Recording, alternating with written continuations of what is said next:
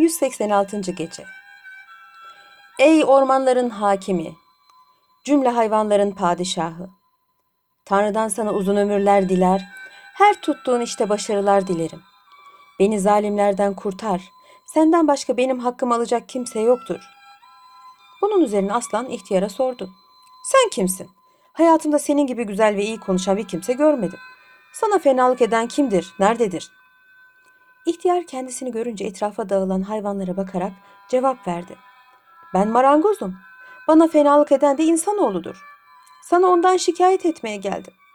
Yarın sabah buralara gelecek. Aslan birden kükredi, pençesini yere vurarak. Bu gece uyumayacağım. Sabaha kadar bu zalim insanoğlunu bekleyeceğim. Onu paramparça etmeden babamın yanına dönmeyeceğim dedi. Sonra marangoza dönerek kısa adımlar attığını ve diğer hayvanlar gibi koşmaktan aciz olduğunu görüyorum dedi. Bunların hepsinden fazla sen yardıma muhtaçsın. Kendi halinde bir yaratık olduğun belli. Bana söyle, nereye gidiyorsun? Marangoz biraz düşündükten sonra cevap verdi. Babanızın veziri kaplanın yanına gidiyorum. Buralara insanoğlunun ayak bastığını haber almış, onun şehrinden korunmak için kendisine bir kulübe yaptırmak istiyormuş. Hayvanlardan biriyle bana haber yolladı. Aslan bunu işitince kaplanı kıskandı. Marangoza da yalvardı. Ne olur önce bana bir kulübe yap da öyle git. Marangoz nazlandı. İmkanı yok ben kaplana söz verdim. Önce onun kulübesini yapayım sonra buraya gelir sana da ona yaptığımın eşini yaparım. Aslan yavrusu zorladı. Bana bir kulübe yapmadan şuradan şuraya bir adım attırmam. Sonra da şaka niyetiyle marangozun sırtını okşadı. Zavallı ihtiyar birdenbire baygın bir halde yere yıkıldı. Sırtındaki heybe düştü. Bunu gören aslan güldü. Amma çelimsiz, kuvvetsiz bir mahluksun. Tevekkili insanoğlundan korkmuyorsun. Biraz sonra kendine gelen marangoz aslana beslediği kini gizleyerek güler yüzle istediği kulübeyi yapacağını söyledi ve tahtalardan aslanın içine sığacağı kadar bir kafes yaptı. Kafesin kapısını açık bırakarak denemek için aslanın içine girmesini söyledi. Aslan yavrusu sevinçle kafese girdi. Bunu gören marangoz da dur şu kapıyı da deneyelim diyerek üzerine kapadı ve kalın çivilerle mıhladı. Aslan yavrusu acı acı bağırdı. Aman bu çok dar oldu beni çıkar daha genişini yap. Marangoz güldü. Geçmiş ola.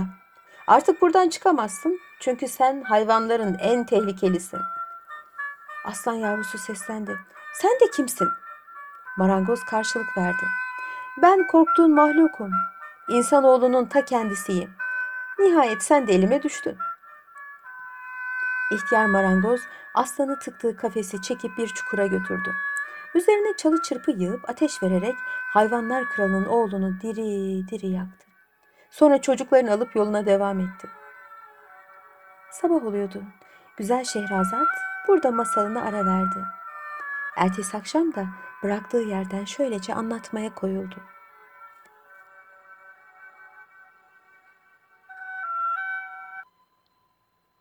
...187. Gece Tavus kuşları ördeğin anlattığı bu hikayeyi şaşkınlıklar içinde dinlemişlerdi. Hala korkusu geçmeyen ördeğe ''Burası insan görmemiş, boş bir adadır. Onun için en tehlikesiz yer burasıdır.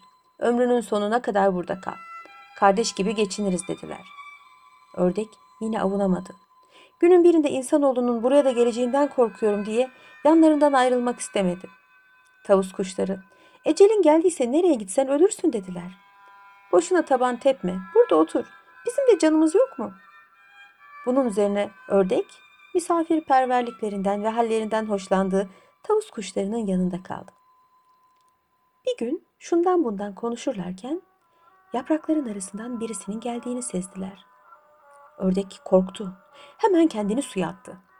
Tavus kuşları da ağacın üzerine çıkıp saklandılar. Biraz sonra meydana sevimli bir ceylanın çıktığını görünce geniş bir nefes aldılar. Hemen gidip ördeği çağırdılar. Korkma kardeş, gelen zararsız bir hayvandır. Adına ceylan derler. Otla geçinir dediler. Ördek sudan çıkıp yanlarına gitti. O sırada ceylan da bulundukları tarafa yaklaşmıştı. Onları görünce bu ada ne kadar güzel ve yeşilliği bol bir yer dedi. Beni de yanınıza arkadaş olarak alır mısınız? Onlar da kabul ettiler. Dört arkadaş o günden sonra bir aile gibi beraber yiyip içmeye, gezip tozmaya başladılar. Günün birinde küçük adaya denizde yolunu şaşırmış bir gemi yanaştı. İçinden çıkan yolcular bir arada duran hayvanları görünce onları yakalamak istediler. Ceylan kaçtı. Tavus kuşları da uçtular. Yerinden kımıldanamayan şaşkın ördek yakalandı. Birkaç gün sonra gemi adadan ayrılınca tavus kuşları ile Ceylan tekrar buluştular. Ördeğin ne olduğunu bilmeyen Ceylan onu sordu. İnsanoğlunun eline düştüğünü öğrenince çok üzüldü. Adadan ayrılmaya karar veren tavus kuşlarına da şu öğüdü verdi. Siz buradan ayrılmayın. Boşuna korku ve telaş göstermeyin. İşinize bakın. Ördek korkusuna ve kuruntusuna kurban gitti. İnsanoğlu gelip beni öldürecek diye diye nihayet korktuğu başına geldi. Dünyada hiçbir zaman ümit kesmemeli ve kendisini yaratan Tanrı'ya karşı şükran borcunu ödemeyi de unutmamalıdır. Tavus kuşları Ceylan'a hak verdiler. Ne olursa olsun adadan ayrılmamayı kararlaştırdılar. Şehrazat anlattığı masalın beğenildiğini görünce bir yenisine başladı. Vefalı güvercinler. Eski zamanlarda dağların birinde dünyadan elini eteğini çekmiş bir ihtiyar yaşıyordu. Bu adamın yatıp kalkıp mağarada bir çift güvercin yuva kurmuştu. İhtiyar her gün yemeğini ikiye böler, bir kısmını yer, diğer kısmını da güvercinlere verirdi. Sabah yaklaşmıştı. Hükümdar Şehriyar masala ertesi akşam devam edilmesini istedi. Güzel Şehrazat ertesi akşam söze şöyle başladı. 188. Gece Gün geçtikçe çocukları artan güvercinler ancak ihtiyarın ölümünden sonra oradan ayrıldılar. Bu kısa hikaye kuşların insanlara karşı gösterdikleri vefalığı ne güzel anlatır.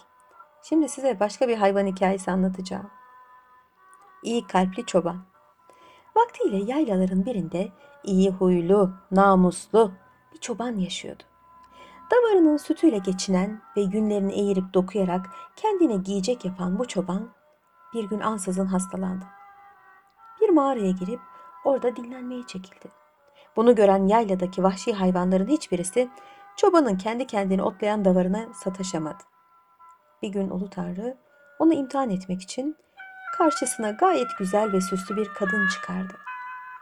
Kadın çobana onu daldığı bu yapayalnız hayattan alıp daha rahat, daha gösterişli bir hayat yaşatacağını söyledi. Akıllı çoban kadının gözünün davarlarında olduğunu, onu baştan çıkarmak istediğini anladı. Olmaz dedi. Bakılmaya ihtiyacı olduğu halde kötü düşüncesini anladığı kadını da kovan çobanın bu hali o yakınlarda oturan iyi yürekli bir adamın rüyasına girdi. Bu adam ertesi gün çobana gidip ona yardım etmeye karar verdi. Yiyecek öteberi de alıp yola düzüldü. Bir zaman yürüdükten sonra bir pınarın başına geldi. Oradan su içti. Biraz dinlenmek için bir ağacın altına uzandı. Sabah oluyordu. Şehrazat burada masalını ara verdi. Ertesi akşamda bıraktığı yerden şöylece tekrar anlatmaya başladı. 189. Gece Çok geçmeden Pınar'ın başına su içmek için birkaç hayvan sürüsü geldi. Fakat adamdan ürkerek hiçbirisi suya yanaşamadı. Bunu gören iyi yürekli adam kendi kendine buraya oturmakla bir sürü hayvanın su içmesine engel oldum. Tanrım bu kusurumu bağışlasın diyerek oradan uzaklaştı. Bir zaman daha yürüdükten sonra kendi eliyle koymuş gibi hasta çobanı mağarasında buldu. Ona iyileşinceye kadar baktı. Çoban hastalıktan kurtulunca bu iyi yürekli adam arkadaş edindi. Hikayecikten de anlaşılıyor ki iyi insanlar dağ başlarında bile olsalar yardımcısız kalmazlar ve onlara yabani hayvanlar bile zarar vermez. Şehrazat'ın bu ibret verici hikayelerinden çok duygulanan hükümdar şimdiye kadar haksız olarak birçok kızları öldürmüş olmanın günahından korktu bir an pişmanlık duyar gibi oldu.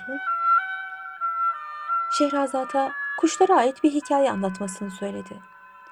O da bu emri yerine getirdi. Su kuşu ile kaplumbağa.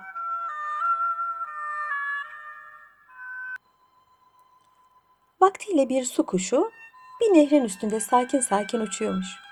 Dalgaların nehrin ortasında bulunan büyükçe bir kaya parçasına bir insan ölüsü attığını görmüş. Yakınına inip ölüyü gözden geçirmeye başlamış. Vücudunun kılıç ve mızrak vuruluşlarıyla delik deşik edilmiş olduğunu görünce kendi kendine herhalde bu adam kötü ve belalı bir kimseymiş. Birkaç kişi bir olup şerinden kurtulmak için öldürmüşler demiş. Epey zaman kendisine yeter yiyecek çıktığı için de sevinmiş. Fakat çok geçmeden birkaç yırtıcı kuş gelip birdenbire insan ölüsünün üzerine konmuşlar. Bunu gören su kuşu ümidinin boşa çıktığını anlayarak oradan uzaklaşmış. Bir ağacın dalına konmuş. Bir zaman orada oturmuş. Elinden kaçan kısmeti ve yırtıcı kuşların gelmesi üzerine barındığı kayayı bırakmak zorunda kaldığını düşünmekle vakit geçirmiş. Bir iki saat sonra bir kaplumbağa sudan çıkıp su kuşunun yanına yaklaşmış. Selam vererek nereden geldiğini sormuş. Su kuşu bu ağırbaşlı hayvana derdini olduğu gibi dökmüş. Yuvamın bulunduğu yerin yakınına bir kısmet düştü.